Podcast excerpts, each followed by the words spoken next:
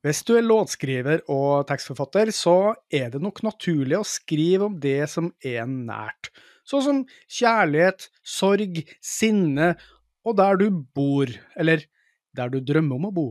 Og noen ganger kan et sted inspirere en uforglemmelig låt som blir stående igjen i musikkhistorien. Og i denne episoden av Lars og Frode snakker om musikk, skal vi ta for oss fem låter hver, som alle har en by eller et sted i tittelen, og som vi digger!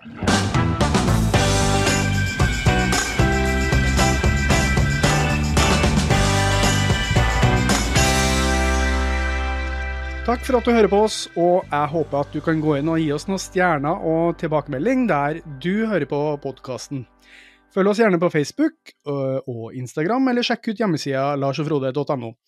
Eh, og så er det sånn, da. Eh, vi har jo ikke mulighet til å spille musikken vi snakker om, men i hver episodebeskrivelse vil du finne en link til spillelista i Spotify og Tidal, der du kan høre musikken vi snakker om. Mitt navn er Frode Fossvold Gjørum, og Lars Berg Holtan du er jo fra et sted, eh, eller en by, kan vi heller si. Eh, har Sandefjord inspirert store slegers? For jeg vet om én. Eh, eller låtbautaer som for evigheten vil stå igjen som låter med uoppnåelig kvalitet, og som er umulig å følge opp. Du tenker da selvfølgelig på Ola var fra Sandefjord. Han yes. var lett matros om bord. Skuta gikk til England, og om bord var han. Ja, det, den, det er jo en sleger. Eh, og så har vi jo Sandefjordsangen Sandefjord, du by blant alle Ja, den sto vi alltid og jodla. Ja, den ja. Den har jeg hørt mye. har vi noe mer? Vi har sikkert noen sånne hvalfangershanties. Eh, og så har vi jo Sandefjord jentekor, som er viden kjent sånn musikalsk, men utenom det så er ikke, er en av de der eh, litt gamle damene som var fra Sandefjord, Grete Kausland eller noe, sikkert. Sikkert. Sikkert dem nå. Men eh, uansett, nei, jeg tror ikke Sandefjord hvis du, hvis du, går inn på Spotify og skriver Sandefjord, så får du vel ikke opp noe, noe bangers av noen låter, gjør du vel det? Jeg, jeg, tror ikke Jeg har ikke gjort det, da. Men uh, vi kan jo snu på det og si Grong. Har det så mange slegers? Nei. ikke det, altså. Så, mm, men det er heller ikke poenget, da. For i dag skal vi jo snakke om uh, låta med by eller sted i tittelen. Hvordan gikk du fram da du skulle lete opp det, Lars? Eh, nå skal jeg bare komme med et lite sånn apropos til det du sa der. Eh, ja. En episode vi skal ha som blir den smaleste som vi kommer til å ha noen gang, det er eh, topp fem eh, favorittlåter fra der vi vokste opp. Så jeg gleder meg til den topp fem Grong-lista di. Oi, ja, ja, det blir noen revyviser da, kanskje. Ja, men det er veldig vanskelig å referere til. Da må jeg jo synge dem, da, i så fall. Huff a meg. Det, vi kommer til å ha fire lyttere her, og, det er tre på Grong og én i Sandfjord. eh, nei, men da skal jeg Jo, åssen jeg gikk fram, Frode. Eh, jeg tenkte jo da Hm, er det ikke en del låter jeg liker som eh, handler om byer? Og så er det jo lett å la seg lure, for det er mange av de jeg tror kanskje har bytittelen, som egentlig bare har byteksten. Og nei, ja. den har ikke bytittel! Det var ikke mm. bytittel på den i det hele tatt. Altså, de synger jo bare om den byen hele tida, men den heter Hello, I love you, og så, handler, så synger jo New York 100 ganger.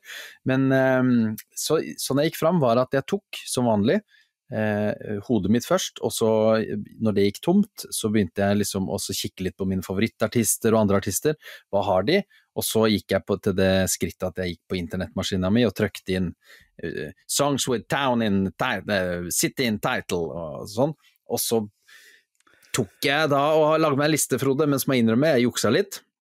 For det var noen av de på den lista som jeg har prata litt mye om før, så da sneik jeg de ned på boblerandet, sånn at ikke vi skal bare gå i og trøkke ut ord eh, om de samme hver gang. Ja, for eh, vi, vi har jo begrensa kunnskap, det har vi sagt eh, hele tida. Eh, jeg vil ikke si at vi tynnes, for det er litt med hvilke tema vi velger. Og, så det går ikke på det, tror jeg. Men det er klart, faren er der for det at man går i sirkel. Og det vil jo våre faste lyttere påpeke har skjedd opptil flere ganger. Men vi håper nå at uh, dere hører på, ikke bare fordi vi snakker om artister, men at det er trivelig å høre på. da. Ja, og en liten spoiler-alert. Det kommer ting dere har hørt noe om før i dag også! Det er umulig å unngå. Ja, det gjør nok det, i hvert fall på de liste. Du, um, vi, Nå er det jo første episode etter sommeren, så mm, vi har heller ennå ikke tatt skal, Vi har ennå ikke klart å samle oss opp til å høre på ukas uh, lyttertips, men det, det må komme i en av de påfølgende episodene, Lars. Det er jeg helt enig i. Det, der har vi vært litt sløve, og det beklager vi. Ja. Eh, men jeg har ikke lyst til å bruke det opp heller, for det, det er litt sånn hyggelig å ha i, ha i bakhånd, liksom. Til å ja. ha, og som vi kan bruke eh, i episoder som trenger å få bli sprita litt opp. Men i dag blir det ikke det. det I dag blir det fem låter hver, altså ti til sammen. Eh, og mm, jeg er litt sånn spent, jeg, Lars. Eh, jeg, jeg, tror vi bare setter i gang, jeg. Nummer tre Nei, men nå sa jeg det feil igjen! Altså, de der eh, Britt Stine-pengene våre, de uh, har blitt brukt på et meget dårlig AI-kjør. Uh, Vet du, um, det, det, her er jo det. Det er jo, det er jo den, den såkalte intelligente medprogramlederen din som, uh, som ikke får til ting. La, la, oss Nå, det her må jeg få til, Lars. Nedtellinga må vi få rett.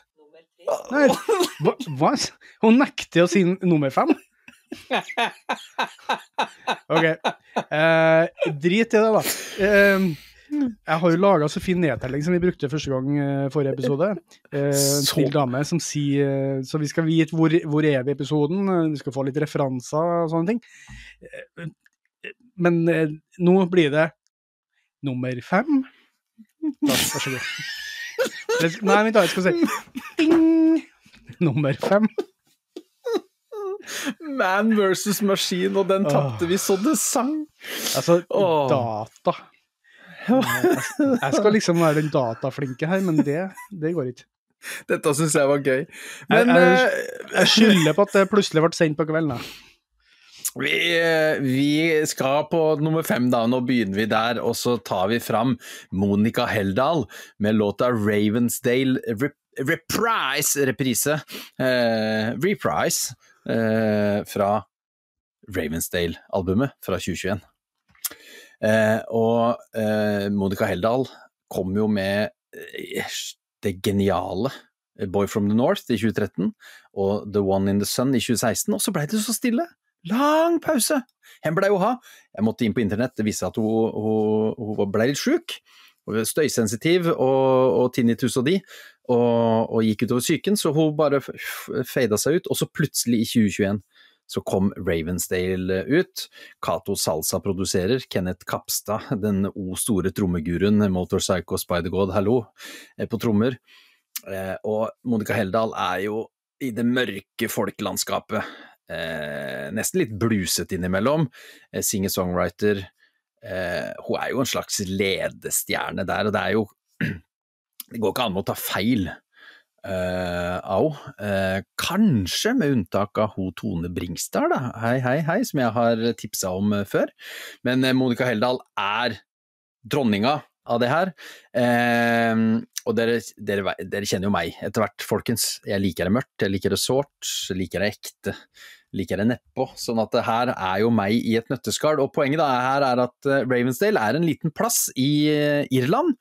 Eh, og, og mm, Monica var jo, er jo veldig inspirert av, av en del irsk musikk, deriblant den o store Rory Gallagher, Irish blues rock man som eh, er en inspirasjon. Hun har vært mye over der, hun har spilt konserter der, eh, og nå skal du høre, dette liker jeg, skjønner du. Nest siste låta på andre albumet hennes heter Ravensdale. Tredje albumet heter Ravensdale, og da låta Ravensdale reprise er albumåpneren, så her er det litt sånn ringen slutta. Og så blir jeg sånn, er ringen så slutta? at dette er det siste vi hørte fra Monica Heldal. Eh, frykta jeg litt, er, er, det det? For det, er det gått to år siden 2021, eller er det bare en litt sånn tilbake til røttene på tredje albumet før vi går videre? Men igjen, utrolig, utrolig flott låt. Eh, jeg anbefaler alle å høre på det.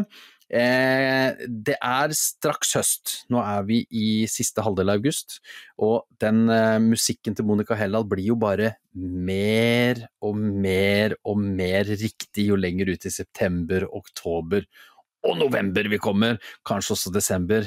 Melankolien nedpå, godt i glasset, fyr i peisen og de. Vær så god fra Lars og Frode til deg. Kjør på, kjør på, kjør på. Også når man skal eh, ha festligheter og det skal pøsregne, så kan vi sette på det her. Ja, for jeg sa akkurat til Frode, for dere skjønner det, kjære lytter, at jeg skal ha noe som heter kulturhagefest her om to dager. Eh, og for eh, en liten uke siden så meldte Yr strålende, det var sol og god stemning, og jeg så hagefest og, og bar overkropp på de. Eh, siste værmeldinga akkurat nå er at det skal komme, hold dere fast, 74 millimeter regn fordelt på de tolv timene jeg hadde tenkt at vi skulle sitte ute i haven. så nå, i kveld blir det bare Monica Heldal og whisky, og så skal jeg se lyst på det igjen i morgen og satse på at ting ordner seg. altså, det er, altså, det er timing fra, fra H, altså. Det er Du skal liksom ha sommerens store, store fest, og så på Sørlandet, da skal det plaskregn! Ja, ja, Mens jeg skal sitte her i 27 varmegrader og sol oppe i Trøndelag. Det, det stemmer jo ikke. Det fortjener du, det fortjener du. Jo da, det, det, gjør jeg, helt enig, men du fortjener ikke å arrangere fest med 74 millimeter regn i, i, i, i hodet. Det sagt, jeg har et stort hus, så de 50 gjestene som kommer, de vi får trøkt de inn her og der, og det blir jo minneverdig. Ja. Det veit jo alle, at når noe så ekstremt skjer, at vi får en sånn liten Hans Light på Sørlandet, og vi skal sitte og drikke øl hele tida, det blir jo minneverdig nok, i hvert fall. Høres kjempekoselig ut. Og kjempekoselig er Monica Heldal òg. Og for en Jeg har ikke hørt så mye på den låta der, men jeg har hørt litt to før. Og for det første er hun en utrolig dyktig gitarist. Ja!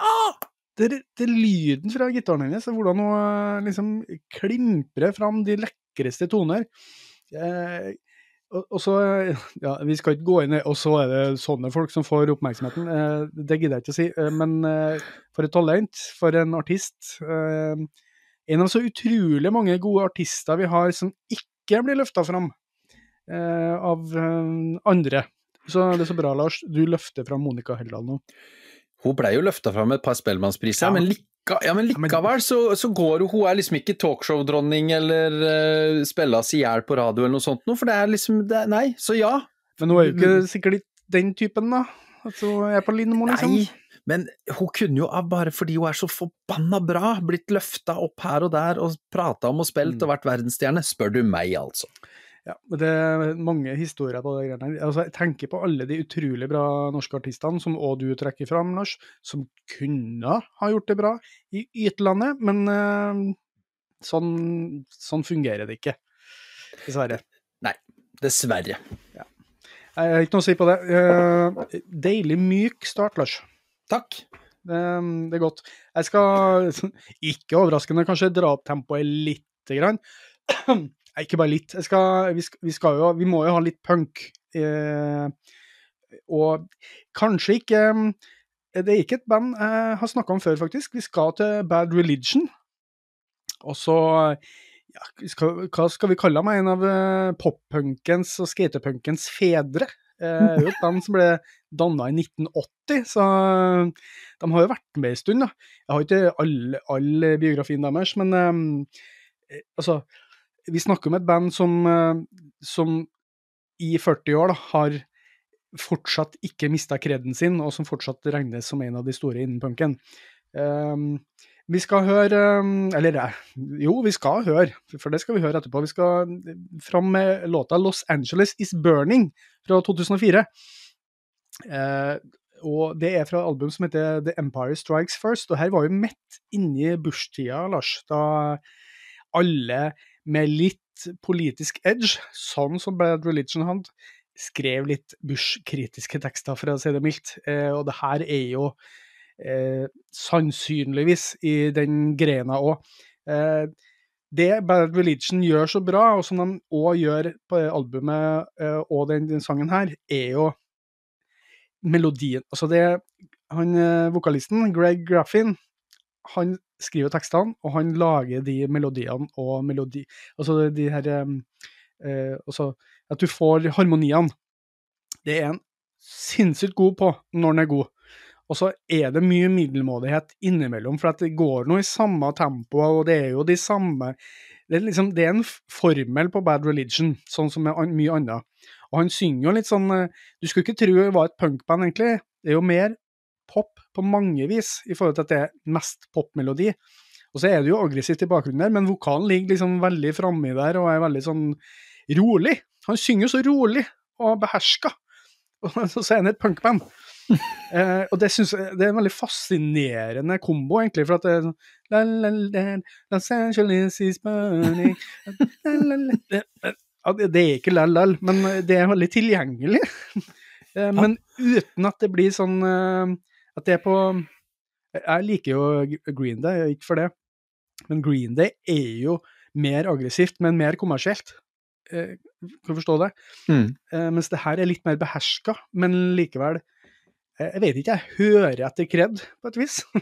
eh, ikke at det er så jækla viktig, men eh, jeg husker det var veldig viktig på 90-tallet, da punken var på sitt, altså nypunken var på sitt største. Men det her er et, eh, en utrolig mm, fengende låt, syns jeg. Den sitter i hjernen min etter jeg hører den. Jeg har glemt den litt, men jeg anmeldte den i 2004 for Panorama, og jeg skrev blant annet en låt som Los Angeles is Burning har, har vel så mye radiohit-potensial som noe annet der ute. Men da er vi jo der litt sånn med Monica Heldal, det er ikke det som blir trukket fram eh, på hitlistene, eller det som løftes fram av dem som løfter fram musikk for at det skal bli kjent eh, og selger masse, eh, selge masse. Jeg tror ikke Bad Religion gjør det dårlig finansielt, for all del, men eh, for min del skulle de vært mye, mye høyere opp i hierarkiet sånn sett. Overskriften på det albumet fra 2004, da. det her er 19 år siden. Det er 'Gamlegutta henger fortsatt med'. Tenk det. Da var han bare halvveis inn i karrieren fra det jeg snakker om nå. Så mm, ja. Eh, Knall låt. Jeg digger den. eh, Og eh, albumet ga jeg fire av seks. Og det her låta er sterk fem, om ikke seks, i denne sjangeren. Altså er det jo mange boblere her som jeg kunne ha trukket fram som er mer kjent, og som er, kanskje er bedre, for alt jeg vet. Men jeg syns det var liksom Nå er det på tide å trekke fram Bad Religion eh, og gi dem litt kred, for at de er skikkelig gode eh, poplåtskrivere. Vær så god. Los Angeles is burning. Eh, tusen takk, vi får slokke det. Jeg, ja, jeg, jeg er helt enig med deg, Frode. For, for det første så har vi snakka kanskje generelt litt lite om denne pop-punken, eh, skatepunken, at der er det veldig mye bra. Eh, Men det faller ofte litt mellom forskjellige stoler. Det blir litt for mykt til å være ordentlig hardt, og så blir det for hardt til å være ordentlig mykt. Så, Mm. så det, det, de ligger i en litt sånn kinkig situasjon der. Det er sånn som med powerpopen. Det blir sånn eh, er det, ja, det blir litt for hardt for dem som liker pop, og så blir det Ja. for mykt for dem som liker litt sånn hardere ting. Men så er det spot on for de krednissene eh, som heter oss. Og så har jeg eh, betimelig lagt fram eh, bak meg, for dem som ser det på video, eh, cover eh, fra Antilam Front fra Trondheim, som er ekte skatepunkere som synger på trøndersk. Oi. Eh, veldig fint. Eh, og dem tror jeg nok liker Bad Religion også. Sånn, Ja, det vil jeg til. I hvert fall fra oppveksten. Jeg husker de tøffe gutta på barneskolen min, de hørte jo på Bad Religion. Eh, når jeg havna i grunchen, så var liksom de rynka litt på nesa, de der moderne flanellgutta der, for det var liksom punk, eh, punk mm. som var liksom greia der, vet du. Ja. Og Altså- de gikk jo da selvfølgelig videre inn i Green Day og Offspring og, og holdt seg i det, mens vi andre forsvant inn i flanellkjøret. Og så dem som likte Bad Religion før, eh, altså som var litt eldre, dem Ja. eh, rynka nok på nesa av Green Day og Offspring, vil jeg tro. Det, det ville jeg også tenkt, ja. Eh, så, ja. Men jeg, godt, god låt. Jeg er helt enig med deg, Frode. Det er en god låt. Men det som, det som blir litt med Bad, Bad Religion, som du også var inne på, er at noen ganger så jeg, jeg hører det, og så Ja, ja. Det, vekka ikke all verdens i meg, for jeg bare hører det. og så Det er ingen ulyd, men det er heller ikke noe som fester seg til umiss... eh, Altså i evige tider, og da bare hører jeg det, og så var jeg ferdig med det. Det, er, det kan være litt flatt uh, på det sitt uh, dårligste, uh, så at du er helt avhengig av å ha de gode melodiene som, og hookene Mm. som, som setter, og gode riff, selvsagt. Du må alltid ha gode riff. Det er jo det beste. Men jeg vil si at Bad Religion på sitt beste, det eh, matches ikke av noen. Men eh, så har de lefla med mye mediokert òg. Eh, sånn blir det en lang karriere. Ja, når du har holdt på så lenge, så er du nødt til å være litt ned i mediokergården før du kommer opp igjen i smørgåstårtene og koser deg etterpå. Jeg begynte å tenke på mediokeren, eh, men er nå på medioplana. Nei, uff, det var, nei, det var dårlig. Uff, det var dårlig. Du, nå er jeg spent på om uh, vår kjære venninne har funnet rett tall. Nummer fire. Ja! Hei! Hun virker igjen! Hun Ja. virker! Eh, og da skal vi på fireren, så skal vi eh, til eh, Muse. Eh, som jeg har nevnt i tror bare i noen bisetninger før, at det er liksom, ja, de liker jeg litt. Eh, og Stockholm Syndrome, som er fra Absolution i 2003. Og det jeg helt sikkert har sagt om Muse før, var at jeg elsker debuten Showbiz fra 99. Eh, og oppfølgeren Origin of Symmetry fra 01. Men så begynte jeg på Absolution, altså denne plata jeg nå har dratt en låt fra, å falle litt av. For der blei det i overkant mye elektronika, stryk eh, de, de har jo hatt elementer av det hele veien, eller fra starten. Det er jo, ikke sant, om det er post-britpop eller glamrock eller eh, hva det er for noe de kalles, men de, de la seg jo inn i en sånn Radiohead-aktig, nesten kloning kanskje der, prøver å ta det beste av Radiohead. Eh, men de var ganske rocka i starten, på sitt vis. Eh, eh, men så har de liksom blitt litt mer og mer eh, elektronika, stryk, eh, finne på ting eh, som jeg ikke helt liker. Og så har det jo blitt det O store stadionrockbandet, nevnes i samme gate som Foo Fighters på det. Og det kan vi jo umulig holde mot noen, at de er så gode at de klarer å skrive låter som trekker 40 50 60 000 på konsert. Det er jo helt vilt. Eh, Men for meg så har de blitt også litt kjedelige. Det er min mening. Og så, og så ser jeg det at 50 60 70 000 mennesker er uenige med meg hver eneste helg når de er på turné.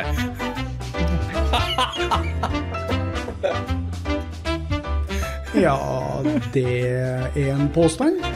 Altså, skal jo ikke misbruke eh, vår lille jingle der. Vi burde jo bruke når det var en ordentlig påstand, for du har jo helt rett. Det er jo ikke noe, jo ikke noe kontroversielt, det du sier der. Nei, det er ikke det. Og det, eh, det, det er De er jo skamløse, eh, men når de leverer så til grader Jeg hadde gjort det sjøl, Frode. Kunne Ja, jeg stått ja, foran sånne publikum Ja, for pokkersnes. Og Stockholm Syndrome, da, låta, den, den, inno, den er jo den perfekte crossoveren av hva de var, og hva de har blitt, eh, syns jeg. Jeg syns det er Muse egentlig på sitt aller, aller beste. Du har gitarveggen, du har de store trommene, du har vokalist eh, Matt Bellamys umiskjennelige falsettestemme der med den litt sånn, eh, hva skal man si, operaaktig, liksom åh, Teatralsk framføring av tekst. Eh, og så er det et fantastisk driv, og så blir det, skjer det noe i mellomspillet, eller er det refrenget? Det gjentas et par ganger, så jeg har aldri skjønt om det er refreng eller mellomspill, men det er i hvert fall, der skjer det noe, da blir det litt sånn Er jeg på, er jeg på teater og, og, og, og ser på et eller annet? Jeg vet ikke hva som skjer. Um, litt sånn proggete, og det kan jo også kjennetegne Muse, at det, det, det, er ikke, det går ikke rett fram som et godstog, det er hopper og spretter litt innafor hver låt og, og sånt noe. Og, og, og det er glem, og det er rock, og det er britpop, og det er kunstrock, og det er, det er hele pakka som kommer i denne låta, og du, du får Du hører rocken, og så ser du arenaen foran deg. Du ser for deg at dette her, på den store, store scenen med, med litt kule, store LED-skjermer med masse ting som skjer, og noe lys og kanskje noe poff, konfetti som kommer, det her kler dem, vet du. Det her. Kanskje høye hæler òg. Dra på seg litt sånn Queen eh, og de. Og så litt sånn, eh, sånn eh, skjerf med paljetter i. Helt, helt, helt rett. Der har vi hele Sjal. låta.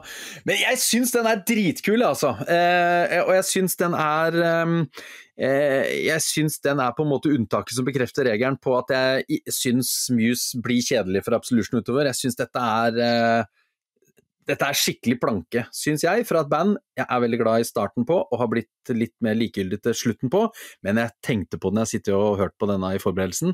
Fy søren, jeg har lyst til å se dem live igjen, for det er det 20 år siden sist, og Mm. det hadde vært egentlig jæklig kult å sette dem på en stor arena, og kunne jeg sikkert spist orda mine om at de har blitt et kjedelig arenaband etterpå, for det tror jeg hadde digga. For det eh, var. Roskilde, eller hva sa du? Ja, det var vel Roskilde 0 ja, Kanskje det var 03, kanskje det er akkurat 20 år siden. Ja. Kanskje var Absolution-turneen jeg var og så de eh, på på Roskilde. Da var de ordentlig gode, altså. Ja, Skikkelig stas. på liksom sin mest um, Hva skal jeg si eh, Ja, det blir der kreden igjen, men de var liksom akkurat sånn på høyden i den, der, den fasen av karrieren, og så ble de et kjempesvært stadionband derfra ut. Yes, det var egentlig det de var. Eh, de hadde jo, de breaka jo så hardt at det var jo, de var jo en ordentlig verdt en snakkis og, og pika, men eh, Så jeg så dem på toppen av karriere. Jeg mener jeg husker at det var noen i Bø som, eh, som likte dem veldig godt, eh, som var så dem på Rockefeller eller noe sånt, eh, før det der. Ja. At det var skikkelig, skikkelig bra. Mm. Eh, altså fra Rockefeller til stadionband, ikke sant. Det er, jo, det er jo stort på Rockefeller, men så stort er det ikke. Nei, det er, det, er- du har gjort en eh, reise da, når du kommer ja. fra Rockefeller til Wembley. Du, du har det, altså. Eh, Godt valg. Og jeg, jeg følger på hver Alt du sier, bortsett fra at jeg aldri har vært sånn kjempefan av bandet, men jeg har alltid anerkjent at det her er dyktige musikere, dyktige band, og så blir det litt sånn gjesp. Men eh, jeg husker da jeg hørte låta første gangen, så tenkte jeg å, fy faen! Det var tøft eh, åpningsriff. For at det, her tenker jeg, nå blir det noe metall. Ikke sant? Det, er det du tenker? Det er skikkelig metallriff. Da begynner man der ordentlig Eh, og da er jeg fort med med et godt gitarriff, det vet vi. Mm. Og så går vi jo inn i Museland, og da er er jeg, jeg liker låta, men eh, jeg skjønner hva du mener. Det blir den derre blandinga til ja, hvor skal vi? Eh, og så tar de et veivalg, og så er det rett inn i prog-popen eh, og stadionpopen etter det. For et, det åpningsriffet er så kult at eh, låta på et vis kollapser litt når, når de Ja. går over i noe annet. Eh, Det er jeg helt enig med deg i, men det, det riffet der er jo topp, topp, topp klasse av alle riff gjennom alle tider. Jeg hadde ikke vært for at de var så dyktige, da, så hadde det falt helt sammen. For jeg, jeg har hørt mange låter med et fantastisk åpningsriff som bare er Å, det var kjedelig, resten. Ja. Eh, og som er liksom bare Å, kan ikke riffet komme tilbake? Og så kommer det tilbake én gang for, eh, på slutten, liksom. Altså, det var det som var låta deres, gutta. Eller jenter. Ja. Altså, øh, og så jeg, jeg la merke til at eh, du har mm, du har snakka om, um, om Muse en gang før, Hysteria. Eh, det var beste låta fra 2003. Det var det det var, vet du. Hysteria. Og det var ja, for samme, samme plata, det. Samme, samme plata. Beklager. Det, det er godt øh, det var, det, var, det var en sånn øh, Den var litt overraskende på meg, at du kom med den. Ja, meg Men bra valg. Ja, takk. Ja. Jeg overraska meg sjøl. Tenkte Jøss, yes, ja, men de får bli med, da. Ja, ja, ja. Ja. Herlig. Eh, oi, nå har jeg mista lista mi. Da må jeg bare lete opp den. Eh, for jeg begynte å lete etter den. Muse har du snakka om før. Det må jeg søke opp i eh, min lille database her. Eh, og Ja, for- det hadde du gjort. Jeg har jo det, vet du. Du har sånn database, du. Jeg har fortsatt ikke klart det. Nei, for det er jo altså Vi har noe felles, men jeg har ikke liksom åpna opp alt for deg, for da kan du begynne å snike, og det er ikke alle klarer på med. Du er jo så, så datahacker, du. Ja. Nei, den tar vi ikke videre, Lars. Akkurat, Jeg skal ikke burne deg på det, for å si det med bad religion. Du, um, jeg, vi skal til en artist nå, eh, på min nummer fire, som, um, de, som jeg ikke ofte snakker om, vil jeg si. Um, vi skal til min Altså, han er like gammel som meg.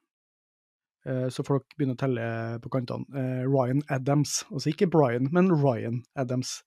Den store americana eh, artisten. eh, en av de største i vår et, ja, det her årtusenet, må det gå an å si. Eh, og han, han slo jo Han slo jo veldig gjennom på begynnelsen av 2000-tallet her.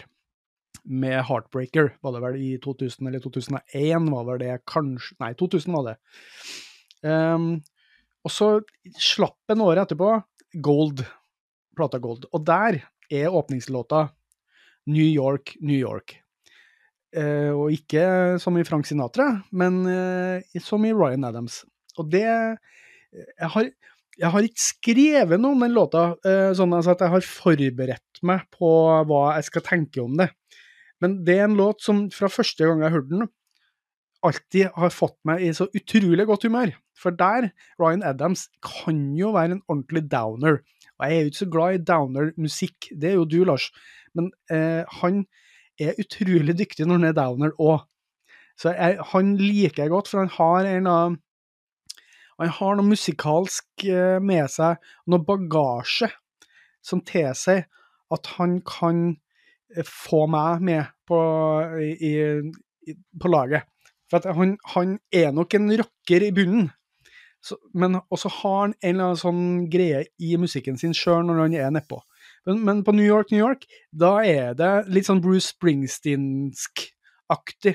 Det er litt sånn den store upbeat eh, med live i studio, og her koser musikerne seg ordentlig. Mm. Eh, og han synger om hva han elsker New York, og til tross for eh, eh, utfordringer og alt mulig sånn byen bringer med seg. Altså, klassisk New York, ikke sant. Hva er New York? Jo, det er alt. Det er hele verden i en by. Eh, og det er drømmer, det er ambisjoner, og det er håp, og bladi, bladi. Og, og, eh, så, og så synger han utrolig bra her, eh, syns jeg. Han har en sånn sensibilitet ja, og det skulle fram til i stemmen sin, som jeg liker veldig godt.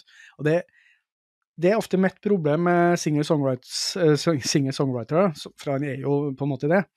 Det er jo at du mangler en eller annen kvalitet i stemmen som gjør at det bare enten blir generisk eller litt kjedelig. Men han har den, men også har han låtene. Han skriver gode låter. Eh, og jeg vil jo Jeg er jo ikke noen ekspert på Ryan Adams, men eh, Gold og Heartbreaker er to album jeg liker veldig godt, og her er en av hans beste låter, syns jeg. Og det er en av de absolutt beste låtene om New York som eh, ikke er for kjent, og som ikke er jævlspilt. Eh, for dem er det mange av. Ny, eh, vi sa vel det før vi begynte, Lars, at New York er nok eh, Jeg har en New York-låt til, faktisk, eh, på lista mi. Men New York er nok den byen i verden som det er sunget mest om. Og det er jo nettopp fordi at den er så full av liv, og så utrolig mye dyktige folk som har eh, både bodd der, jobba der, og vært innom og fått med seg det. Um, hva skal jeg si mer om låta? Um, jeg får meg godt humør. Den kunne vært med i en av de låter jeg blir glad av. Uh, og så er det noe med at det er, du hører at det er spilt inn live. Det må være det. Eh, og det er sånn Heartbreaker er også spilt inn live i studio. Det kan du høre Eh, at de snakker sammen, og det er liksom Det er liksom Trykk på record. Kjør, gutta. Ja. Og det er stemninga i låta her òg. Det er en veldig levende låt. Litt sånn som Byen. Hvis det er lov å være så klisjéaktig. ja, det er lov. Det er lov. Lik, dette valget liker jeg godt, Frode. Ja, takk. Han, ja, og, ja, han formidler jo så godt, syns jeg. Han er en sånn utrolig god formidler. Ja, det det er kjernen. Eh, Vi har jo snakka om det før, men eh, i en god artist og låtskriver så er formidlinga både i tekst, melodi og fremføring så utrolig viktig. Og der er Ryan Adams blant de aller, aller beste, i hvert fall i den sjangeren her, vil jeg si. Enig. Takk for meg.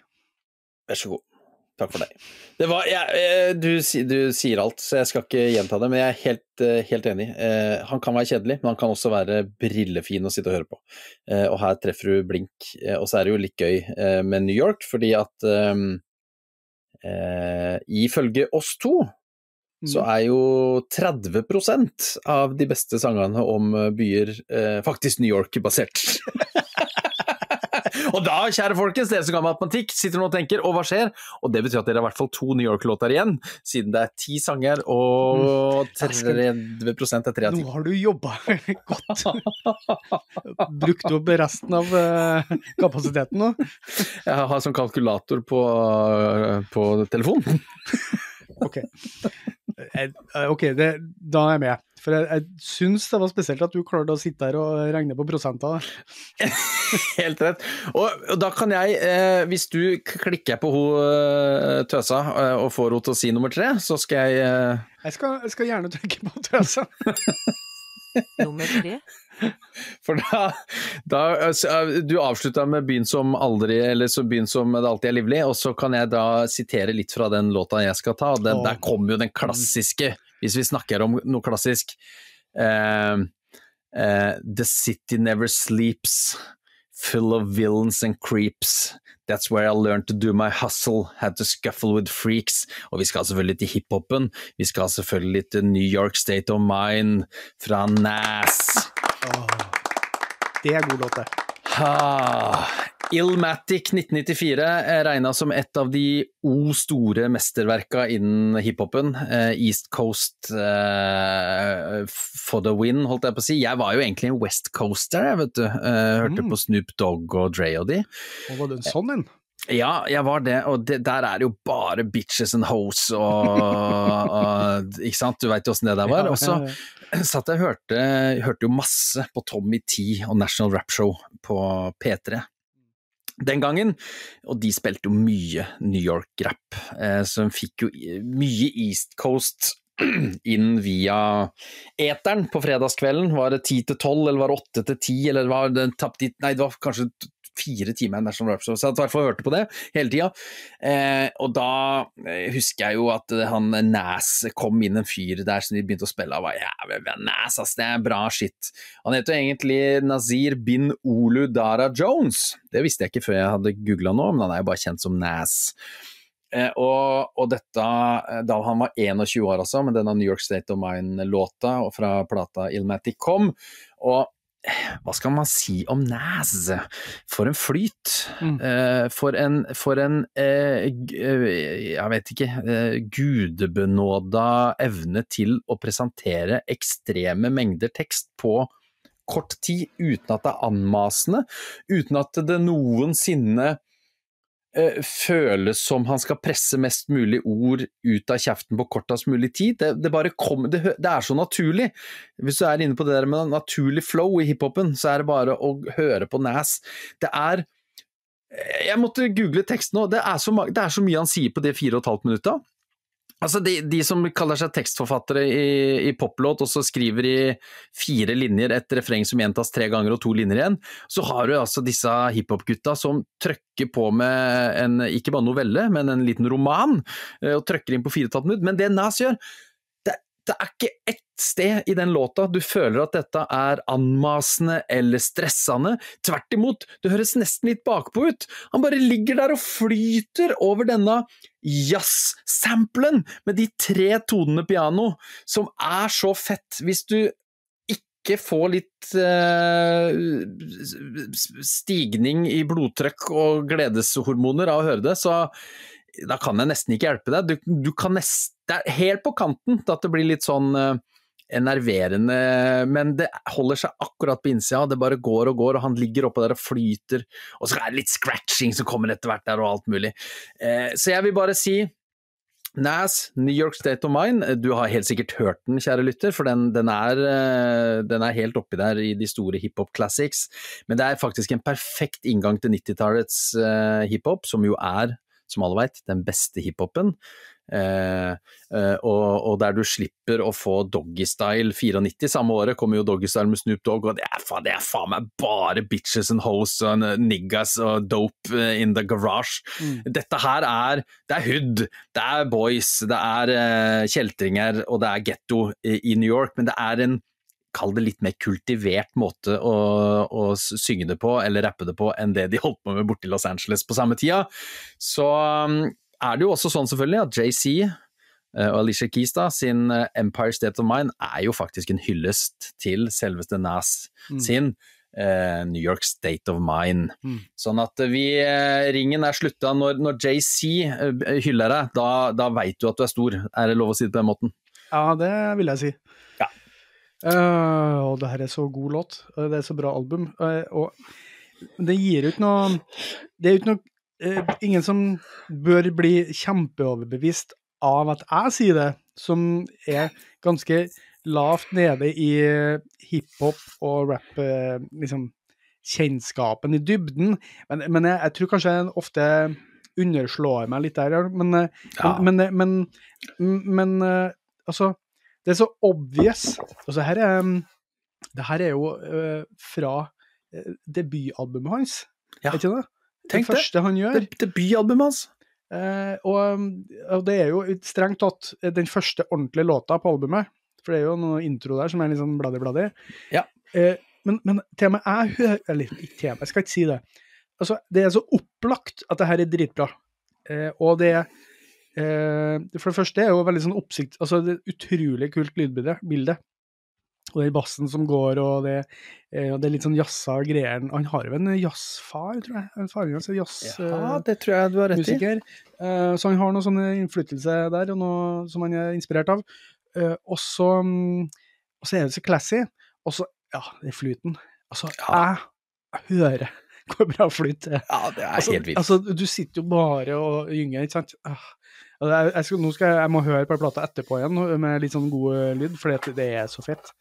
Eh, og så minner meg jo altså, Jeg har ikke så mange favorittrappere og artister sånn sett, men jeg starta en gang med Public Enemy, så var det litt sånn Beastie Boys lite grann.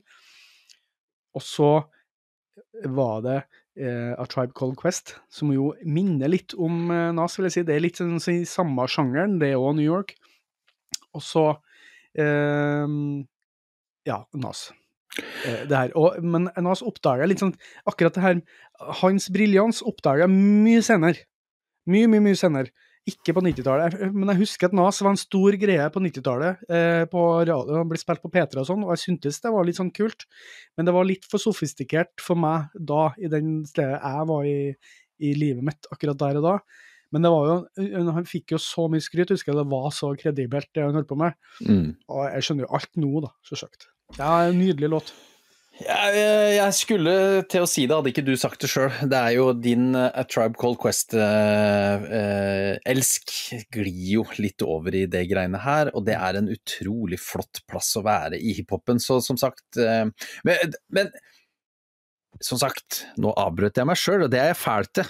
Eh, som sagt så er dette et eh, et eh, ja, et hyppig omtalt eh, album i, den, eh, i referansealbums i hiphopen. Eh, Ja, og så er jo det der med i hiphop, det å introdusere seg sjøl, og du, du sier ikke Mm. sant, du har en intro på plata, og så kommer dette her, og det er jo bare Yeah, straight out of the fucking dungeons of rap, er omtrent det første han sier. Det er jo så deilig å på en måte bare Her kommer jeg, unna vei, tjokkedår i seg, where fake niggas don't make it back. Det er liksom bare så Det er hardt! Det er knallhardt. Uh, I don't know how to start this shit, yo, now. Og så kommer det. Og da er det fire og et halvt minutt med, med pur eh, tungetalmagi, altså. Det er helt sprøtt deilig. Men eh, nå er vi ferdig med New York for denne gang, kanskje? Eller Eh, nei. vi, skal, vi skal ha den eh, siste New York-låta. og vi, nå, nå skal, vi, vi, altså, vi skal altså på mest motsatte det går an, tror jeg, fra Nas. For nå skal vi til en sånn gammel eh, voksenrocker fra 70-tallet. Han spilte voksenrock på 70-tallet, og så ble han voksenpopper på 80-tallet. Han var trommis i det voksenrockbandet, men han sang òg. Ja, vi skal til han Vi har snakka med Nommen eh, litt før, eh, en av de tidligste episodene. Vi skal til en litt sånn en fyr med litt sånn jeg tror jeg litt sånn dårlig rykte, delvis, eh, for eh, hvordan han oppførte seg. Muligens. Er mulig jeg lyver. Vi skal til Don Henley og låta New York Minute fra 1989. Eh, og hvorfor det, Frode? Ja, det er et godt spørsmål. Men Don Henley har et eller annet med noen av låtene sine som er helt praktfulle. Vi kjenner alle The Boys of Summer. Eh, di, di, di. Altså, den tror jeg jeg snakka om i Beste sommerlåta, eh, den første eh, episoden vår. Eh, Og da jeg påsto at han hadde litt dårlig rykte Jeg vet ikke. Men, eh, jeg, altså, han er fra Los Angeles og sniffa nok i diverse mye mjøl eh, på den sida der. Var veldig kjent. Eh, så jeg tipper at han ikke var eh, den beste fyren å henge med. En periode, i hvert fall. Og så fikk han en sånn merkelig stor eh, popkarriere på 80-tallet der, da. Etter å ha vært eh, i Eagles, som var bandet, selvsagt. Eh, og Hotel California og hele greia der. Eh, og, men han har en utrolig bra stemme, for jeg først si. Han, jeg, digger stemmen hans. Han har en sånn pop-sensibilitet både i stemmen og de beste låtene, som ja, ikke matches av så mange, og spesielt ikke på 80-tallet der.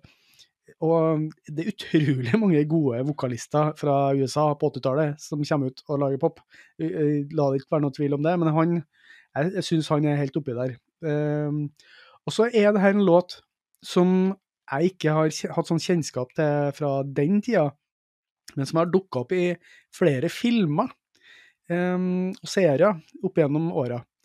Og den har en sånn stemning i seg som er veldig filmatisk, og den, eh, den har den derre eh, Det som vi har snakka masse om, Lars, det er, altså, du blir, begynner å reflektere. Så den har en sånn reiselåtkvalitet ved seg. Den er veldig rolig. Og så er jeg jeg liker ikke versa så godt, for det er, sånn, det er litt sånn halvdramatisk, på en måte. Men det, det refrenget Altså, det er så vakkert. Eh, in a New York minute woo. Og så er det sånn godt uh, Sånn ordentlig amerikansk, veldig perfeksjonert, uh, med koring og melodi og hele greia. Og jeg er ikke sikker på om det her er noe for deg, Lars, at, for at du snakker ofte om at det, det må ikke bli for perfekt, det må være noe skjevt, det må være noe liksom skurre og litt. Og her skurrer jo ingenting. Eh, kanskje at det er litt sånn, litt sånn dårlig synt inni der, at det kan skurre. det, det kan jeg være med på, for at det, det er ikke alt som fungerer i låta her. Men jeg syns det refrenget bare tar alt. Eh, den setter en sånn stemning som jeg setter så pris på, eh, og jeg skjønner veldig godt at den er brukt i masse filmer, for at den, eh, den setter en eller annen sånn Nå sitter helten og tenker på det vonde, eller whatever, ikke sant? Men det er noe positivt der òg. Det er noe oppløftende som ligger der likevel. Ja, det er håp. Det finnes håp der. Og det mm, Hvis jeg igjen skal bruke klisjeen, jeg tror nok den låta her fanger godt eh, noe av det med å bo i en, en storby, altså. altså. At det er mye, eh, mye skit og lort, men så er det liksom det håpet som ligger i New York. Alle mulighetene er der. Eh, jeg vil si at det er en tidløs låt, selv om den er veldig, har 80-tallspreget sitt. Eh, ja. God låt. Nå satt den bare på i tre sekunder, Mm. eh, og så bare satt den på sånn der jeg regna med det var et refreng. Og så hadde jeg den på så lavt. Oh, ja. Eh, og så tenkte jeg dette her hørtes litt ut som den der på, den powerbladen You're the reason in my life, you're the inspiration At du, du får Chicago. litt, ja, du får litt den samme vibben der. Ja, ja. Eh, jeg skjønner godt hva du snakker om. For jeg, jeg er jo ikke noe Don Henley-fan. Jeg kan ingenting om Don Henley. Jeg kan Boys of Summer, som vi har snakka om før. Ingen, ingen kan jo noe om han utenom Nei. deg, Frode. Nei, jeg kan ikke noe om han. Jeg kan veldig lite om Don Henley, men jeg vet at han var en stor popstjerne på 80-tallet. At han spilte tromma i i The Eagles og sang der òg. Men det jeg syns er så forbaska gøy med at du drar dette her opp av hatten, er at det bryter på en måte som med absolutt alt annet vi holder på med, og det Yes. syns jeg er dritgøy! Ja. For her kommer liksom rockegutten og han der eh, nede på Sørlandet som tror han kan litt om hiphop og sånn, og, og, og så plutselig bare Å nei, nå skal vi ha noen sviskerier fra 80-tallet her. Eh, Det er så gøy og deilig! Jeg er kjempefornøyd med sjangerspredninga i dag, for å si det sånn. Og det, det er som et hagleskudd, og det liker jeg godt. Eh, Det er godt å ikke bare være han derre metallfyren hele tida. Ja, ja, ja. Det, ja, jeg kan love dere at det er ikke noe metall som er igjen heller. Det blir ikke det. For metallfolk synger ikke om byer. Det, de er ikke interessert i det, tror jeg ikke. Det slo meg også litt, ja. At det er eh, ofte ikke den hardeste musikken. De, de skal synge om uh, u- u- alt annet enn by, i hvert fall. De skal ikke synge om byen de sin, de. Nei, det er hardrockerne de gjør det. For de, Ja. Det handler om å liksom få opp stemninga i byen Ja. de kommer til, og sånne ting. Men ikke Ja. metallfolket. Nei, nei. Og i hvert fall ikke punk, eh, egentlig, og hardcore. Nei, egentlig ikke. Nå har jo. Bad Religion gjort det her, men eh, det er nok mer unntaket. Tror jeg, da. Det var, det var en påstand, for å si det sånn. ok. Nummer to. Ja, Lars. Nummer to. Da skal, da skal, vi, til, da skal vi til rocker her, da, og de synger om, de synger om by. Vi skal til Dropkick Murphys. Uh! Og da snakker jeg selvfølgelig om I'm shipping up to Boston! Oi, oi, oi. fra The Warriors Code. Eh, eh, la meg bare si det med en gang, før du blir for eh, opphissa der i den andre enden, Frode. Jeg syns Dropkick Murphys er litt harry, altså. Jeg, sy jeg syns det. De er jo det, men det er jo hele poenget. Ja, men jeg, jeg fikser ikke helt. Eh, Det derre keltiske folkemusikk, eh, der, det blir, kan bli litt for mye av det gode. Det er litt som, eh, litt som jeg syns jeg, jeg liker Altså Når fotballsupportere skal gjøre litt for mye ut av seg, da syns jeg det blir harry. Når, når Det er greit å dra på harryhandel hvis du går litt sånn og oppfører deg pent. Det er fælt å se på deg når du kommer med 14 brett Pepsi og, og 40 kilo gulost fordi det var salg, da blir det harry. Sånn føler jeg Dropkick Murphys har dettet over på det, men jeg tar ikke noe bort fra at Dropkick Murphys er et forbaska fett punkrock, rock, keltisk rock, celtic rock, hva de kalles, band. Det tar ingenting fra det, jeg bare sier at jeg syns de har falt litt langt over eh, streken. Men her har vi i hvert fall et unntak som bekrefter regelen, for låta I'm Shipping Up to Boston er jo et av de absolutt musikalske høydepunkta i mitt liv. Eh, hver gang jeg hører den, faktisk. Eh, det mener jeg. Den er helt brutalt fet! Eh, og, og, og jeg kan jo takke Hollywood for at, at denne kom i fanget mitt, for det er alle som har sett The Departed. Oh, ja. Denne fabelaktige Martin Scorsese-filmen med Leo ja, ja. DiCaprio, Jack Nicholson og Matt Damon og Mark Wahlberg, og jeg vet da søren hvem som ikke var med. Det var vel nesten ingen. Brad Pitt var vel produsent, og det, det var jo Snakk om budsjett på lønn, da! Eh, men det er jo irsk-amerikansk mafiafilm, vet du. Og mm. der kom jo selvfølgelig denne låta over en Jeg minst at den scenen er at de kjører, og så blir det sånn der dronefoto eller flyfoto av bilen som kjører oppover. I'm shipping up to bus! Og da tenkte jeg bare what the fuck? Dette her er jo helt sykt bra. Jeg hadde egentlig ikke fått med meg, skal jeg være helt ærlig. Satt den på, og etter det har det vært en instant eh, Eller det ble instant love, og det har vært en, en true love fra den tida. Eh, jeg har den på en spilleliste, en av få spillelister jeg har lagd uavhengig av Frode Lars, som heter Gira. Altså låter som får meg opp. Og det er ganske interessant, for låta har jo altså et driv som jeg, jeg sliter med å få Unnskyld, det er jo tema. Vi må jo ha Gira-låta tema. Ja, det er sant. Da kommer denne med, så det ja. blir litt kjedelig for dere. Ja. Bare... men, men, det som er litt kult med låta her, og jeg sliter med å forklare det, den har et helt vanvittig driv. Eh, du, her har du eh, her har du disse keltiske strengeinstrumentene som heter alt mulig rart. Du har et piano dun, dun, dun, dun. Ikke sant? Du har det, du har, og så kommer det raffe gitarriffet. Det er helt makeløst. Og så tenker jeg hver gang før jeg har hørt den, og den går ganske kjapt, men den gjør egentlig ikke det. Den er overraskende egentlig overraskende sakte, men så klarer de likevel å få den til å være så ufattelig drivende framover at, at alle plankene som du kan treffe, treffer du. Alle knappene, alle nervetrådene i kroppen min sier bare så dette er fette kul låt, og den er, den, blir, det er full kok hos meg hver eneste gang jeg hører den. Så dette er ja, det er en, ja, det er en helt makeløs låt. Jeg klarer ikke å beskrive det. Nå blir jeg gira igjen, ser du. Begynner jeg å gynge, og nå er, nå er, jeg der jeg skal være. altså, I all sin enkelhet, på en måte, for det er jo så enkelt. Klin til allsangrefreng og jeg, jeg, vil jo si at uh, Dropkick Murphys er jo på en måte punkrockens uh, fotballsupportere. Altså, det, fot ja, ja. det, det um, de er fotballfolk. Altså, liksom, de er jo ikke det, for de er jo baseballfolk. For de er jo fra ja, Boston, eh, Red Sox.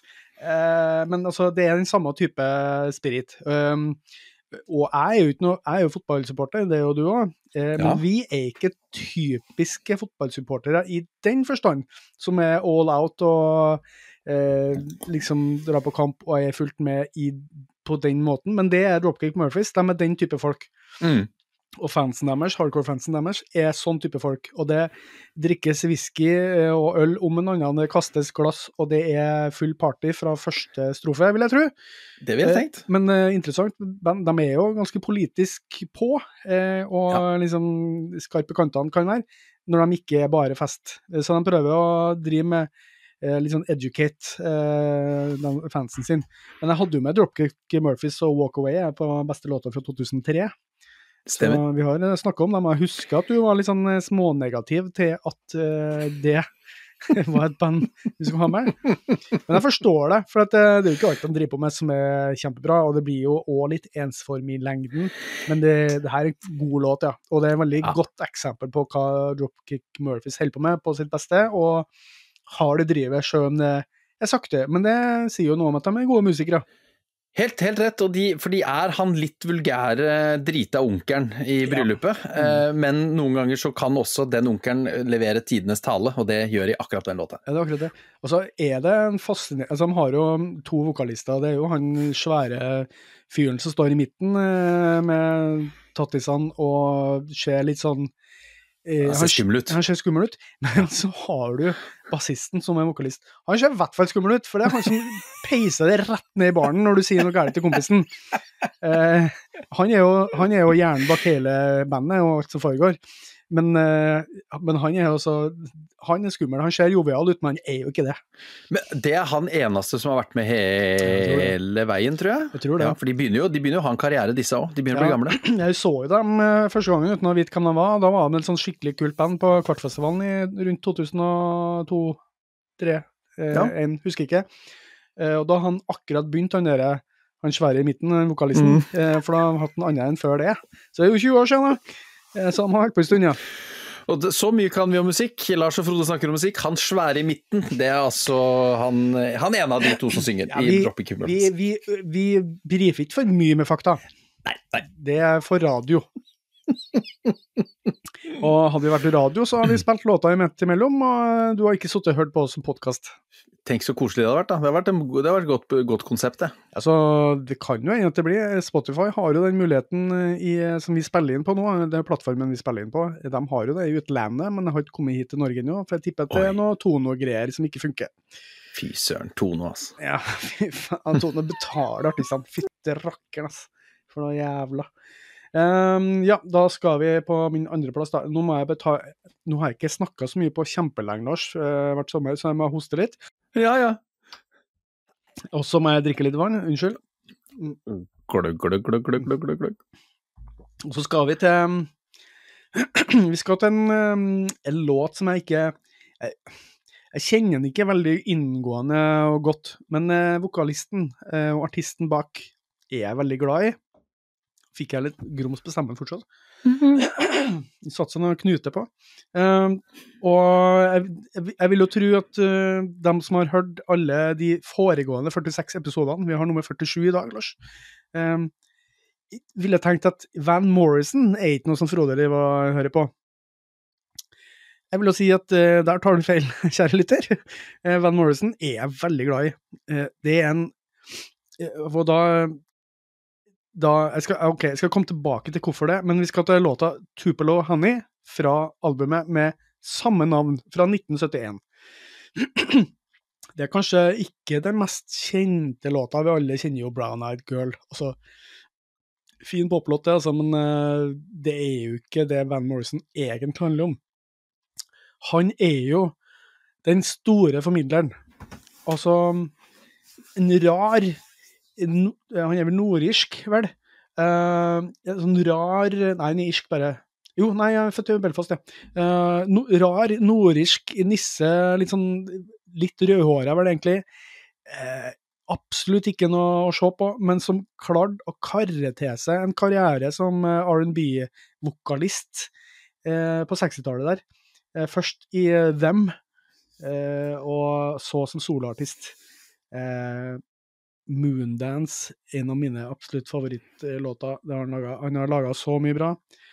Og han eh, Van Morrison, han har, en, han har en stemme som på en måte ikke er fin, men som er fin likevel.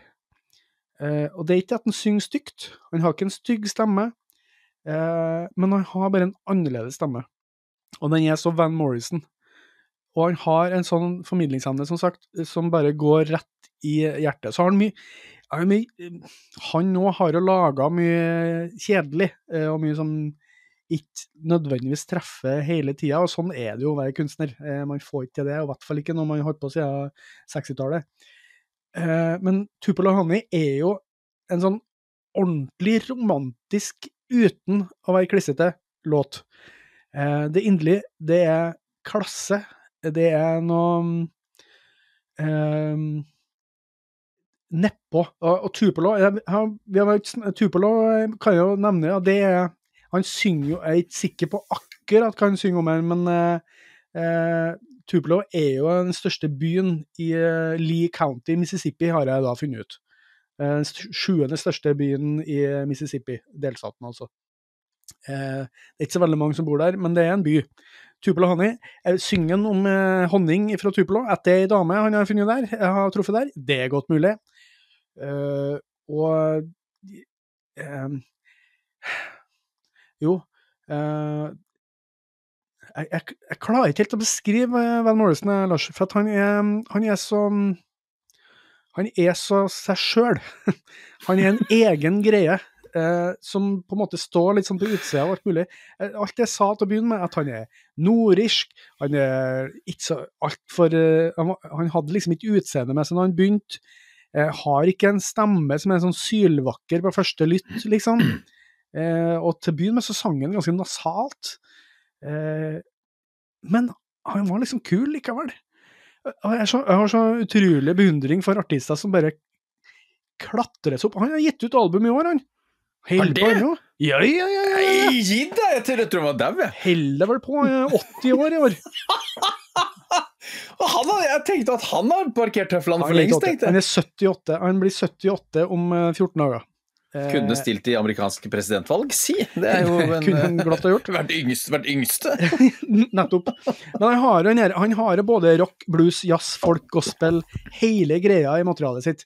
Eh, men denne låta her altså Han er jo en av de mest spilte på film, da. Så når det skal romantisk klissete ah, slutt, avslutte film, romantisk komedie, så kommer det en eller annen Van Morrison-låt. Eh, og jeg kan ikke forstå hvorfor, for at han er jo en romantiker. Hele, mye av det han gjør, er jo romantikk når han er på balladen sin. Han er en av som klarer å få en ballade til å fungere, selv om den er klissete. Men han har jo òg noen ordentlige rockers oppe, som virkelig er oppi der og får fart i lokalet, uten at det er festmusikk eh, som òg er, ja, som er det beste på mange vis. Men Tupala Honey, låta, det er en sånn sjelfull og oppriktig sang, eh, syns jeg. She's an angel, kommer Kåre inn eh, etter hvert og synger til tilbake til den. Og det er, en, det er en vakker hyllest til kjærligheten, tror jeg. Det er en, eh, det er en sånn Ja, hva, hva, hva, er ordet man bruker i litterært? Sødme. Det er sødmen. Ja eh, som kjærligheten bringer til livet. Det er det som liksom jeg ordentlig får det til å være ordentlig koselig. eh, og så er det nok inspirert av uh, ordentlig kjærlighet, tror jeg. jeg. jeg. tipper det handler om kona eller noe sånt. Ja, for jeg tror han er litt ordentlig. Ja, han ja. er en ordentlig fyr. Eh, litt sær, men ordentlig. Og han er gjennomprofesjonell, eh, og så har han en veldig amerikansk uttrykk vil jeg si, til å være nordisk. Eh, nordisk. Jeg tror nok han har med seg amerikanske musikere og det hele greia. Du hører på koringa, du hører på hele greia rundt. Det har den veldig amerikanske stilen. Så jeg ville jo aldri, aldri i livet, hvis jeg hørte Van Morrison første gang nå, tenkt at han var nordisk, eller irsk. Aldri. Apropos det vi nettopp snakka om, Lars. De andre irene, som er også fra Boston, men som er ira i en sånn overdreven måte, vil jeg si. Uh, jeg var akkurat nå uh, gammel når jeg visste, skjønte at Van Morrison ikke var amerikansk. ja, nettopp. Ja, han er ikke det, altså. Der, der ser du meg. Jeg, jeg, har jo nesten sett Van Morrison, jeg. Ja. Live. Har du nesten sett den?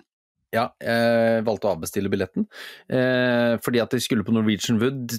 Ja. 96-97 kanskje.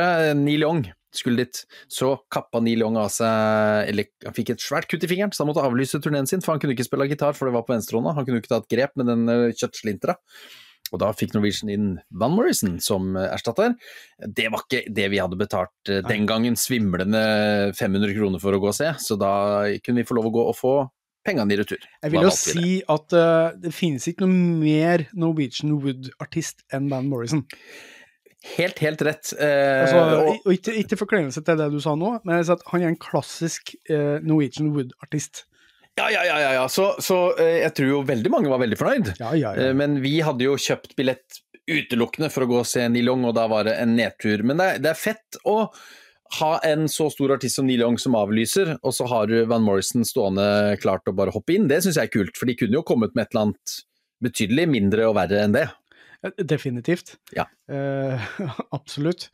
Uh, og jeg, jeg, vil jo ikke si altså, Jeg fremstilte det som at jeg er sånn superfan av Van Morrison. Det er jeg jo ikke. Men jeg er veldig glad i, uh, i det beste fra Van Morrison. Altså, det er Han er en sånn, som vi har snakka om før, en sånn artist som bare er god. Eh, og så kan man være litt Altså Brown Eyed Girl kan jeg få, få oppi der. Men eh, ja, eh, grunnen til egentlig at eh, jeg begynte å høre på Van Morrison, det var egentlig to årsaker. Det var eh, Jeg gikk jo på folkeskole på 90-tallet, vet du. Før jeg dro til Bø. Revyskole, teaterskole, teaterskole, musikalskole. Eh, på Solbakken folkehøgskole. Eh, og der fikk vi eh, Altså gikk jeg i to år, jeg, vet du. Bare for å være sikker. Så at eh, andre året var med en sånn fordy fordypning, da. Så da skulle hun òg synge en sang foran klassekameratene dine. Altså en masterclass. Eh, oh. eh, og det er mye verd å synge foran dine elleve eh, venner som du kjenner veldig godt. Nakent, med bare et piano i bakgrunnen. Eh, og så skal du synge. Og da eh, fikk jeg i oppdrag eh, av min kjære lærer Dag, fantastisk mann, eh, i å synge en låt som jeg aldri har hørt før, og det var 'Moondance' med Van Morrison. Uh, og den skal jeg ikke synge nå, men det er en sånn svingende, nydelig lås, eh, låt. Uh, og da oppdager jeg at å ja, Van Mor det, det er noe mer enn Brown Eyed Girl. Nettopp, ja. Åh, Det visste jeg ikke. Så da ble jeg litt sånn greit, eh, det her må jeg lære meg litt om. Og da var det vel rett på Greatest Hits da, på platekompaniet eller noe sånt, tipper jeg. Men så kjøpte jeg òg da mm, eh, en sånn på billigsalg når jeg kom til Oslo og begynte å studere der. Så kjøpte jeg en sånn Best of, eh, eller sånn, ikke Best of, men sånn tidlig Van Morrison. Med, der han hadde litt låter fra tidlig med Them, og da han hadde Brown Eyed Girl og sånne ting.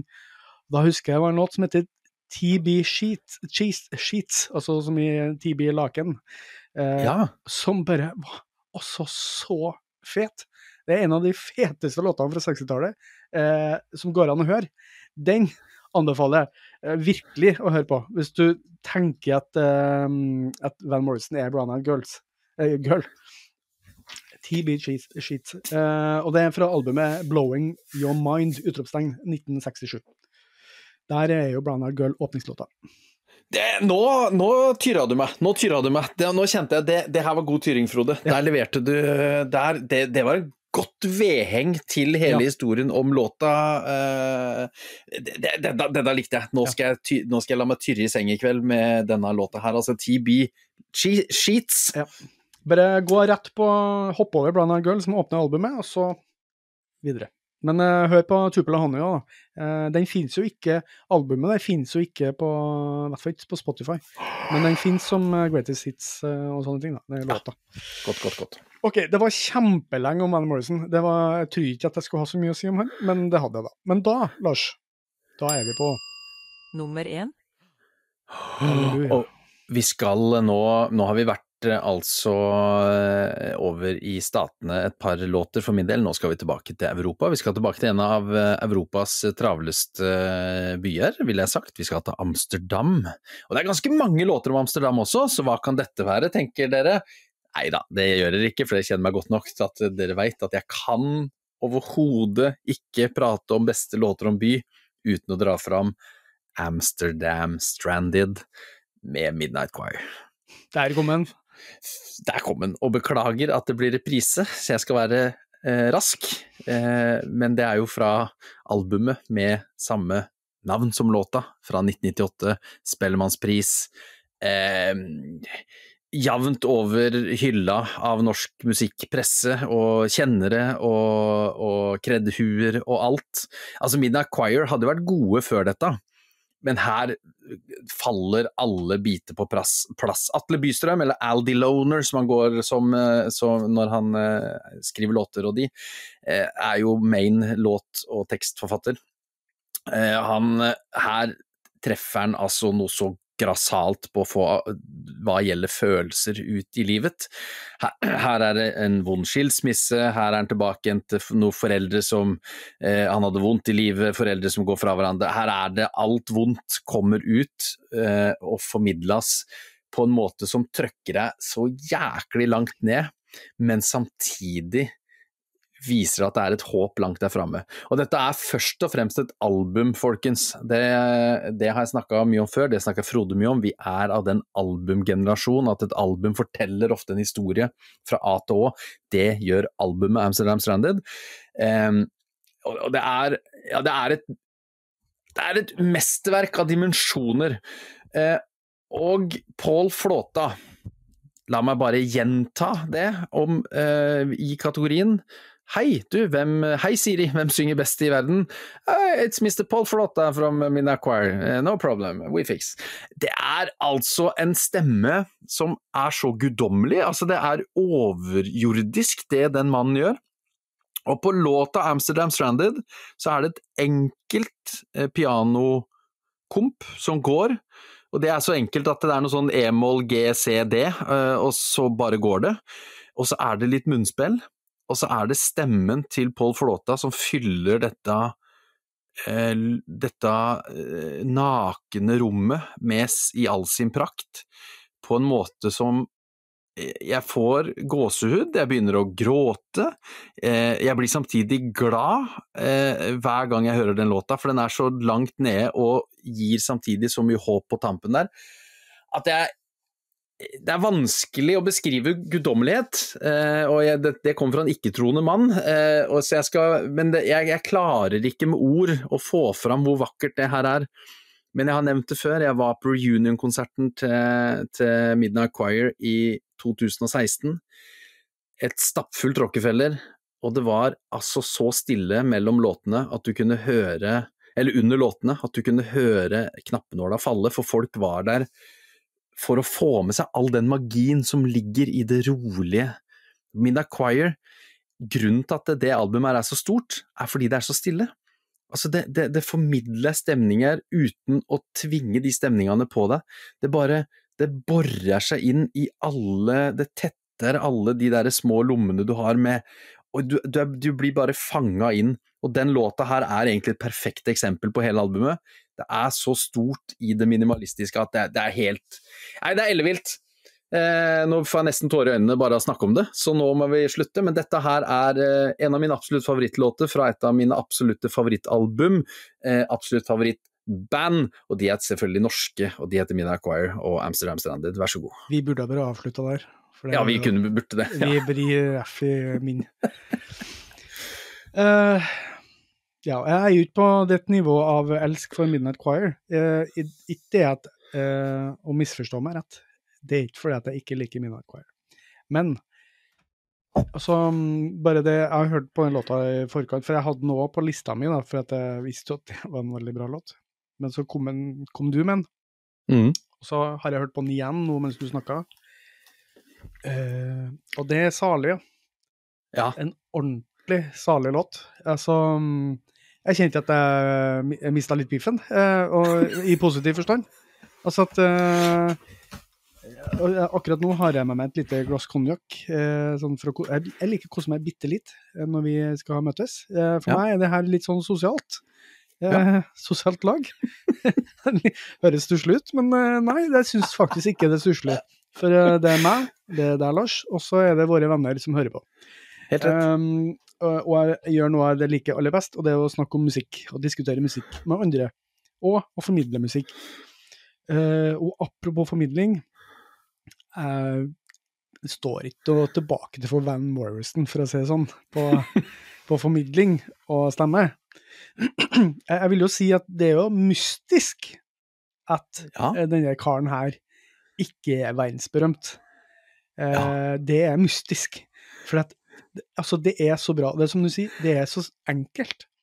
Og det er så stille. Og når musikere, vi har snakka masse om det, bruker luft og bruker dynamikk og bare lar ting være. Og bare mm. lar, mm. lar det liksom utfolde seg, og lar og han, Ja, han synger jo dramatisk og alt det der, men ikke på en sånn måte at det blir overdrevent, eller at det blir Det er så ektefølt, da. Ja. Rett ifra det mørke hjertet til Pål Flåta.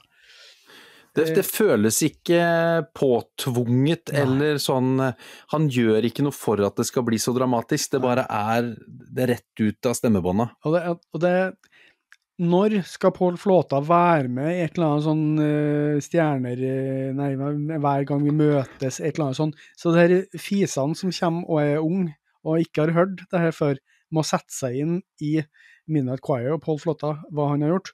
Altså, det, han burde gjøre som en, en, en slags sånn oppgave for landet. For kulturnasjonen Norge. Eh, og liksom Hør her, TV 2 må, finne, må, må, skjønne hva de eh, Og han skal ikke være med i noe Stjernekamp eller gjøre noen sånne greier der han liksom skal mestre en sjanger som jeg syns skal være morsomt å se på. Han må være med, han må være med i et sånt type program der han skal tolke andre sine låter, og der andre må prøve å skjønne at hun ikke får til det, det han gjør. Ikke sant? Du skal ha ganske bjeller hvis du Eller pupper, da. Du skal være eh, kjønns... Du skal, du skal være ganske eh, eh, Sette inn kjønnsnøytralt ord her eh, for å gi deg i kast med noe av det mest sakrale Pål Flåte har gjort, ja. og prøve å, å, tolke det til ditt eget. Da, da skal du der fallhøyden er stor, men, det fins jo de som hadde takla det, selvfølgelig. Ja, ja, ja, ja. Men Vinni kunne sikkert lagd noe rapp ut av det her og blitt ja. folkekjær igjen. Enda en gang! ja. Som for tredje gang. ja, uh, jeg vet ikke hva jeg skal si. Uh, fantastisk låt. Um, jeg føler at det blir Ja, eh, vi burde ha slutta der. Uh, men, ja, og, og, som sagt, beklager at jeg må gjenta dette, men det kan ikke gjentas ofte nok. Og uh, de som har lagt merke til noe litt gøy her nå, er at jeg begynte med Monica Heldal. Ja. Det er ikke helt så samme, men det er ikke så langt unna heller. Så når du har varma deg opp med Monica Heldal og tenker at det her var litt mørkt og trist, så kliner du på Amsterdam Stranded, og så fyller du et glass med noe brunt brennevin à la det Frode gjør, og så sitter du i mørten i, i, innerst i stua med bare dunkel belysning, og så lar du den musikken enten på noen gode hodetelefoner eller et godt og stort anlegg. Ikke noe sånn enkel Bluetooth eller noe sånt, altså det, ikke sånn liten sånn der bærbar til 299. Du skal ha noe, skal, og, du, og, du, skal, må ha litt bass, og du må ha alle de gode elementene. Og så, og så vrenger du volumet akkurat høyt nok opp, og så bare sitter du der, så er det den neste timen av livet ditt. Og jeg lover deg, det er den beste timen av livet ditt. Uh, glimrende, rett og slett. Uh, vel fortjent nummer én. Uh, den ville ha vært slutt. Men jeg syns jo ikke at min nummer én er en dårlig låt i sammenligning. Definitivt ikke. det er en av de beste rockelåtene fra 70-tallet, for vi skal jo til rock. nå har jeg gått via punk, jeg har gått via litt sånn eh, rockete singer-songwriter, til en 80-tallspopper, til en 70-talls R&B-artist, til 70-tallets store eh, bluesrockere. Eh, jeg skal dra fram CC Topp igjen. Jeg skal ta fram eh, den mest kjente låta fra bluesperioden deres, må man si, La Grange. Eller alt dette som hvordan du, om du tar den franske versjonen La Grange. Grange ja, som er fra kanskje deres beste album, Tres Hombres fra 1973. Her på det albumet der så har du òg du har Beer Drinkers and Hellraisers, en av de beste låtene deres. Du har Jesus Left Chicago, fantastisk tittel, fantastisk låt. Eh, Lagrange er det gitarriffet, det det gruvet, det den kulheten som CC Topp er på sitt aller beste. Og når de ikke er så, så de er jo bare kule, de har alltid bare vært kule, men de har vært kommersielt kule etter hvert. Og det har vi snakka om før i beste kjørelåter. De vi har hatt dem med der. For at uh, eh, CC Topp er jo hovedsakelig uh, en kjørelåteband. uh, bilband. Uh, og det har de aldri lagt skjul på sjøl engang. I hvert fall ikke på 80-tallet, men på 70-tallet var de That Little Old Band, bluesband fra Texas. og det er de her. Trio høres ut som en million dollars allerede i 1973.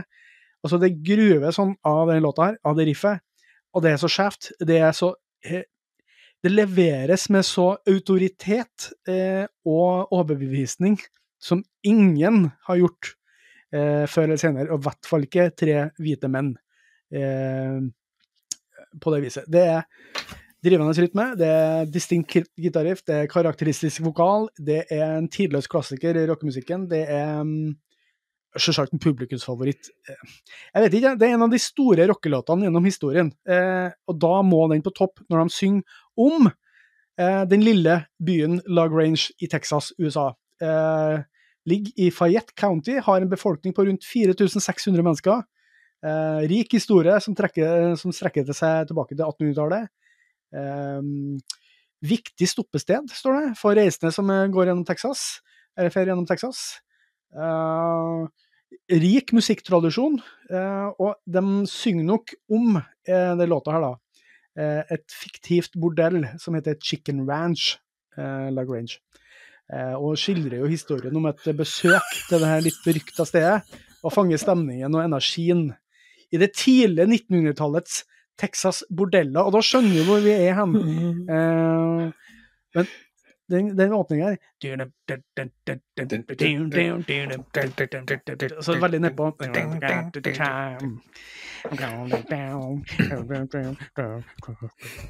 Veldig lavt, han er jo, er litt lysere i stemmen, egentlig. Så det gir jo en litt sånn eh, spenning i låta. Og så er det Og så er det den låten den går sånn hele, hele veien ut. Kjempeensformig, ville han ha sagt. Men så er det ikke det. Og så er det sjølsagt, som alltid, en helt nydelig eh, gitarsolo inni der, som bare er klassisk CC Topp. Eh, drivende, eh, best mulig levert, som det går an innen bluesrock. Eh, ja, jeg har sagt mitt. Det er en av de beste rockelåtene gjennom historien, eh, og det står jeg ved. Og da må han på nummer én på min liste over beste låter med by i tittelen.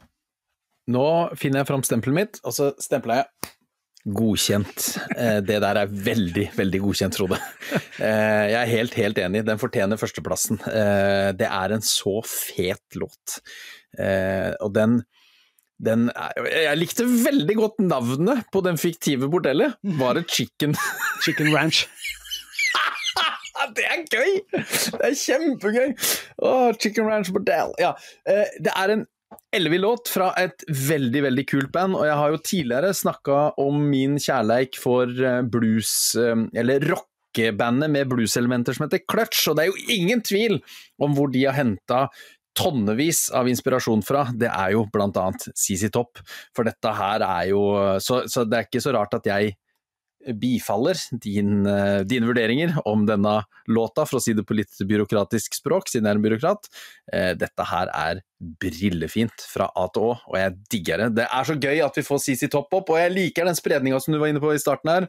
I dag har du bevega deg godt i, i, Ja, du har fulgt hele regnbuen fra, fra der den starter til der den slutter. Jeg Du har fått med deg hele spekteret i dag. Jeg er veldig fornøyd med generelt spekteret vårt i dag. Jeg. Sånn, Ja. eh, det her er en, jeg kunne ikke bedt om noe bedre spredning i sjanger, egentlig. Eh, De har jo vært innom det meste, på et vis. Ja, jeg syns vi har vært innom det som er verdt å være innom. Åh, eh, jeg ble litt sånn eh, jeg, var, jeg, jeg fikk opp spiriten igjen med Lagrange der, men eh, jeg var helt nede på Amsterdam Stranded der. Jeg var helt nede der og liksom kjente på melankolien som jeg ikke visste at jeg hadde i dag, men det hadde jeg likevel. Den var Eh, der. Ja, og apropos eh, regnværet du skal ha i helga, det her er jo ordentlig regnværslåt. Ja, vi skal tilbake til MC Stranded igjen, Nei, altså. Eh, det skal vi unngå. Nå kikker jeg ut, nå er klokka 21.27, eh, og det begynner altså å bli så dunkelt ute. Og det er eh, Melankolien begynner jo naturlig nok å komme seg gående. Og da har man to valg. Du kan gå ned i Melankoliens gata, eller du kan sette på La Grange og komme deg litt opp og sitte og gynge fram til det faktisk er helt mørkt, sånn ute i oktober-november. Jeg velger i dag det sistnevnte. Nå skal jeg på med CC Topp og danse og gynge meg inn i, mot eh, festen på lørdag med å støvsuge huset, for nå må jeg flytte hele den bølingen på 50 folk innendørs, og da må det se greit ut, som mora mi alltid har sagt. Og så må du høre på litt Van, Morrison og TB Sheets eh, etterpå. Og så må jeg slenge inn et bitte lite tips på tampen, Ja. eh, og det skal jeg prate mer om i neste episode. Det er at jeg skal jo selvfølgelig ha en artist, det er en kulturhagefest, Ja. og han heter Haugland, heter den artisten Ja. som kommer. Han er norsk, han er lokal, han kommer med plate i høst, så bare et lite tips til deg på tampen hvis du lurte på hva dette var. Haugland, sjekk det ut, og så skal jeg skryte litt mer av det om to uker. Og så um, er det ble som, som sagt spillelista i eh, beskrivelsen, og der kommer jo våre boblere, som vi ikke har snakka om nå. Eh, der er det masse deilige låter som, vi også, som, som kunne ha vært med i lista Ja, vår. Og så en liten eh, notat til til slutt. Og det er at eh, fra nå av så blir episodene sluppet på søndager, eh, ikke fredag.